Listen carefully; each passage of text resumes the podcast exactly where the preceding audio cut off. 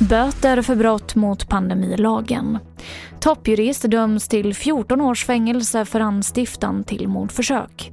Och coronan slår hårt mot turistnäringen.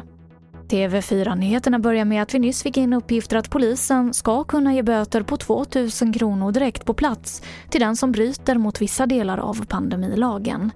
Det här har riksåklagaren nu beslutat. Och även ungdomar mellan 15 och 18 år kan straffas om de träffas i för stora grupper. Och den här nya boten ska kunna delas ut från den 27 januari. Den kvinnliga toppjuristen som anklagats för att ligga bakom mordförsöket på advokaten Henrik Olsson Lilja dömdes idag av Stockholms tingsrätt till 14 års fängelse. Hon döms för anstiftan till mord. Och Ritva Rönnberg är reporter. Men 14 års fängelse är ju eh, inget milt straff, det kan man inte säga. Hon har själv inte hållit i vapnet och eh, eh den här advokaten har ju överlevt. Eh, jag kan tänka mig att det här kommer att bli överklagat. Och mer om detta på tv4.se.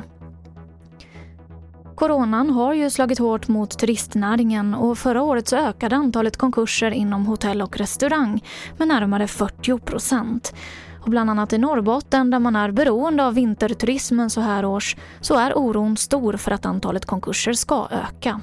De statliga företagsstöd som ges är inte anpassade för besöksnäringsföretag så att många av dem får klara av det här faktiskt på egen hand och faktiskt inte kan ta del av de här stöden.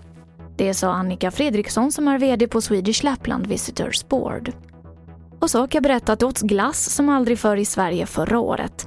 Exempelvis så såldes det 14 miljoner glassbåtar och det här är en ökning med 40 procent jämfört med året innan. Och en av förklaringarna till det ökade glassätandet tros vara coronapandemin. Att vi helt enkelt unnar oss något i oroliga tider samtidigt som vi tillbringar mer tid hemma. Och det var det senaste från TV4 Nyheterna. Jag heter Emily Olsson.